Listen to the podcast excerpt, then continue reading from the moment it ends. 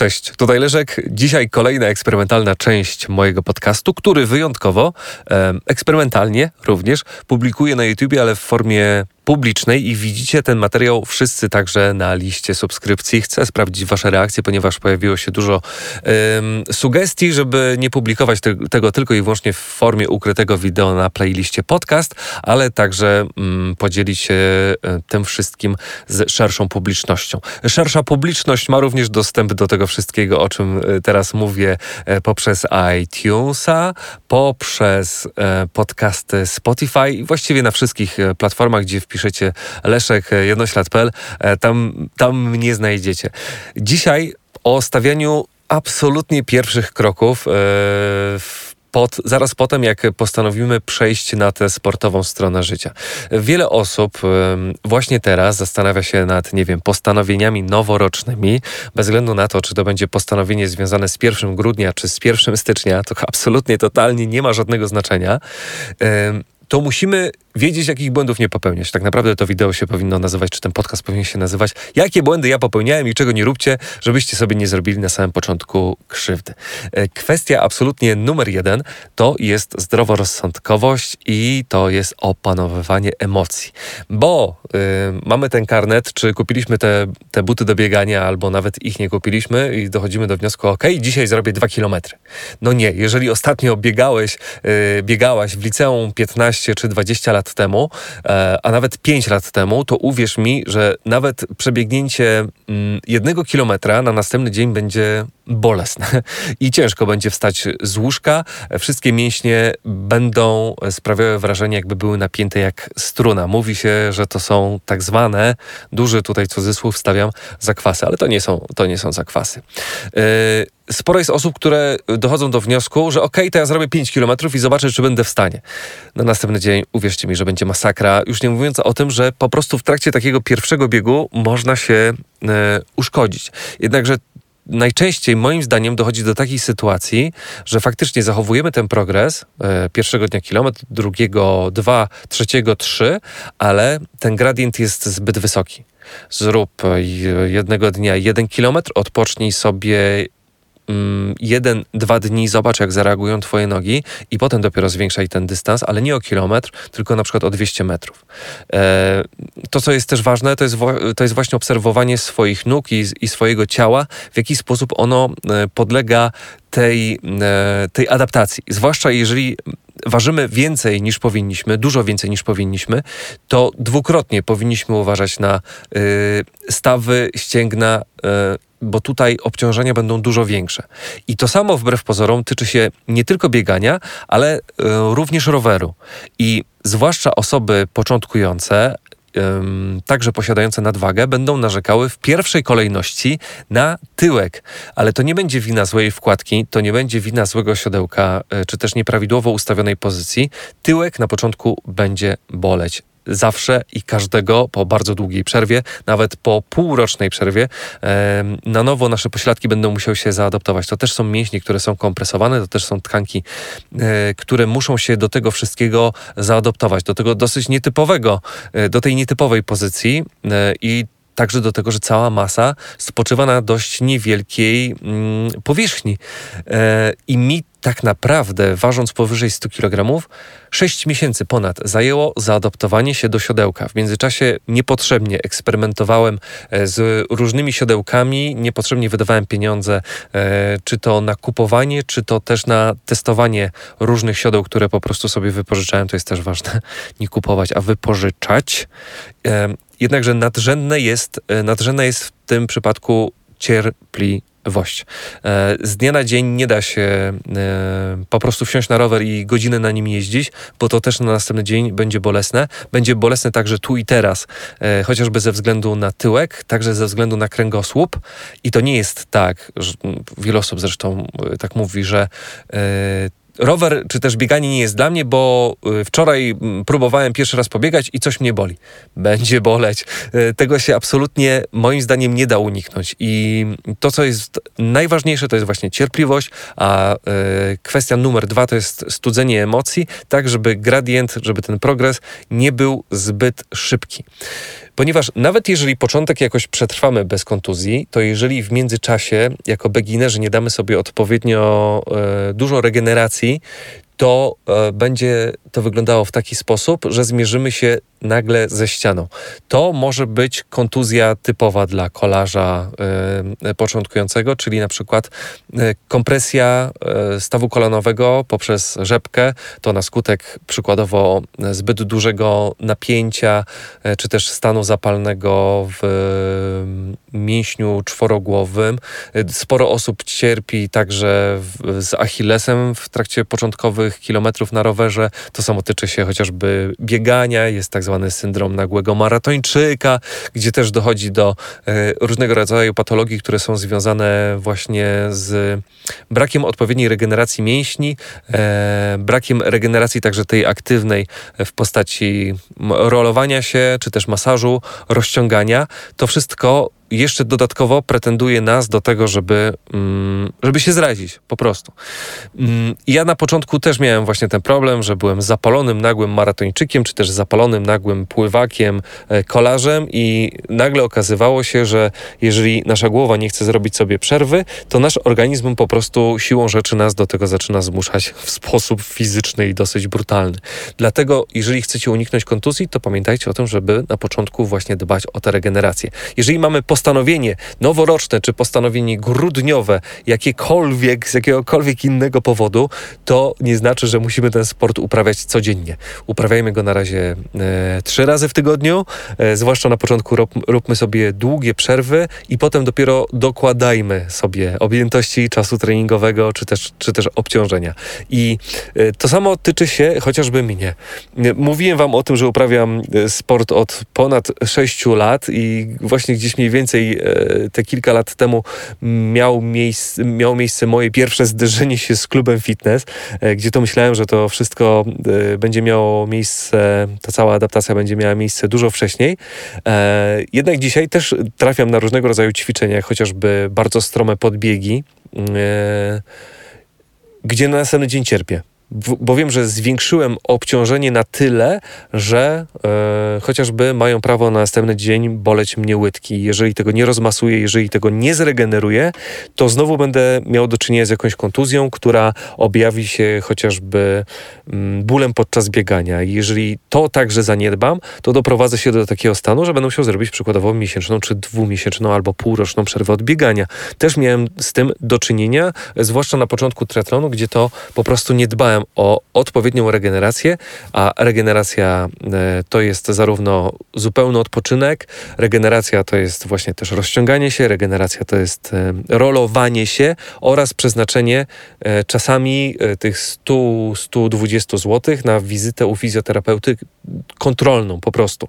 Można pójść sobie do takiego fizjoterapeuty, żeby was obadał, żeby was pomacał, żeby wskazał wam ćwiczenia ewentualnie takie, które możemy robić za zapobiegawczo, albo które możemy robić po to, żeby szybciej osiągnąć dosyć fajną y, formę. Więc to są najważniejsze te wskazówki, które Wam chciałem przekazać zaraz na samym początku. To wszystko, o czym mówię, to są błędy, y, które ja mam na swoim sumieniu.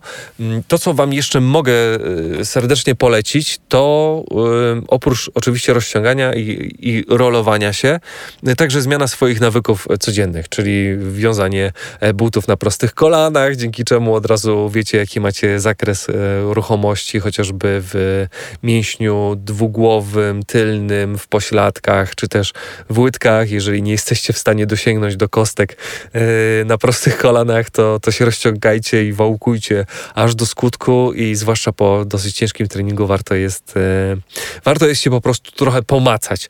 Bez względu na to, czy będzie to butelka, czy będzie to wałek, czy będzie to elektrostymulacja, czy też masaż. Jeżeli ktoś z Was ma czas i ma pieniądze, to też czasami jest warto wybrać się do y, masażysty. Oczywiście te wszystkie problemy będą bardzo szybko znikały i bardzo szybko zobaczycie y, poprawę formy, wydolności, siły mięśniowej, że y, nagle okazuje się, że zamiast 8 km na godzinę biegacie 13, że nie robicie 2 km, tylko 5, ale tego nie da się zrobić w miesiąc i w dwa tego progresu to będzie pół roku, to będzie niekiedy rok, w zależności też od um, naszej masy własnej.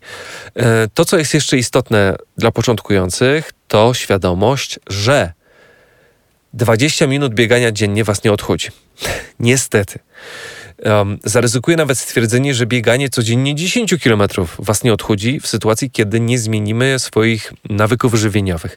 Wiem o tym doskonale, ponieważ um, ja miałem w swoim życiu właśnie taki etap, że tak robiłem. Biegałem dziennie po 5 km i nie chudłem, bo nie wdrożyłem odpowiedniej diety. Chodziłem na basen pięć razy w tygodniu. E, każ za każdym razem przepływałem e, w 47 minut 2 kilometry. Nie chudłem, bo nadal nie wdrożyłem diety. Dopiero wtedy, kiedy e, postanowiłem się zastanowić nad tym, co w jakich ilościach jem, wtedy zauważyłem bardzo szybkie rezultaty, także na swojej wadze. I w pół roku schudłem przykładowo 20 kg. Sport, dieta, czytanie etykiet, sprawdzanie e, ilości kalorii. To, co będzie bardzo pomocne, to notowanie tego, co jemy i ile to ma kalorii, i liczenie sobie naprawdę e, każdej jednej aktywności i każdego jednego posiłku, i generowanie deficytu. Naprawdę. E, spora część ludzi, którzy mają postanowienia noworoczne i przychodzą do klubu fitness, myślą też, że schudną od sztangi albo od innych maszyn e, typowo, które, które ćwiczą, e, które służą do, do ćwiczenia siły. Ćwiczenie siły jest dosyć istotne, e, jeżeli chcemy kształtować sylwetkę, ale bez aerobów niestety się nie obędzie. I to jest dosyć sporym błędem. Zwłaszcza na początku, jeżeli walczymy o utratę kilogramów, to pamiętajcie o tym, że aeroby że kalorie spalamy tak naprawdę w, wraz z potem. to tętno musi być wysokie. Y, musimy pocić się jak pies. Y, przyjście, pomachanie, pomachanie sztangą czy jakimś ciężarem albo praca na jakiejś maszynie nie sprawia, że spalamy kalorie. Spalamy oczywiście, ale tu nie o to chodzi. Tu chodzi po prostu o długotrwały wysiłek z w dosyć wysokiej strefie mm, e, tętna. Jedni będą mówili, że to jest e, strefa typu fat burn, czyli właśnie typowo tlenowa, inni będą mówili, że można trenować przy nieco wyższym tętnie. Tak naprawdę to nie ma znaczenia. Z mojego punktu widzenia, absolutnie. Czy e, będziemy ćwiczyć przy 110 czy przy 150 swojego tętna, ponieważ ja wychodzę z założenia, że najważniejszy jest po prostu bilans kaloryczny. To jest absolutnie najistotniejsza rzecz w sytuacji, kiedy, e, kiedy zaczynamy. To właśnie liczenie tych kalorii. A w której strefie my spalamy ten tłuszcz, jest już kwestią drugorzędną. Bo tak czy siak, mając deficyt, e, schudniemy.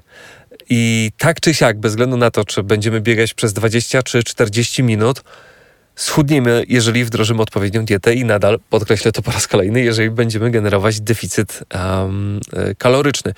Wiecie, dlaczego wam to mówię? Dlatego, ponieważ e, sporo trenerów, e, na przykład personalnych na siłowniach, mówi wam o tym, że powinniście biegać przykładowo powyżej 20 minut, bo, do, bo dopiero po 20 minutach nasz organizm zaczyna czerpać energię nie z glikogenu, nie z żołądku, tylko z rezerw tłuszczu pod skórą. To jest prawda ale co z tego, że będziemy spalać podskórny tłuszcz, jeżeli nie będziemy mieli wdrożonej odpowiedniej diety, czy właśnie nie będziemy mieli e, deficytu kalorycznego? To jest absolutnie najważniejsze. Nie ma znaczenia, czy 500 kalorii e, dziennie będziemy spalać e, w e, strefie tlenowej, czy, czy beztlenowej. Z mojego absolutnie subiektywnego punktu widzenia. Ja schudłem 40 kg, nie zważając na swoje tętno. Przy czym ja wam przyznam szczerze, że ja lubię dosyć wysokie tętno i lubię balansować gdzieś na granicy swojego tak zwanego progu mleczanowego. Czyli granicy, mm, granicy tętna, przy której jestem w stanie e, przez bardzo długi czas przebywać, nie zakwaszając się, e, nie nie y, chodząc w tak zwanego trupa, nie idąc w tak zwanego trupa. Jakoś tak. Więc to są, to są kwestie absolutnie najbardziej istotne, które podsumuję. Numer jeden. E, początkowo bardzo spokojnie zwiększamy objętości, e, trudność e, czy też obciążenie bardzo, bardzo stopniowo i słuchamy swojego organizmu.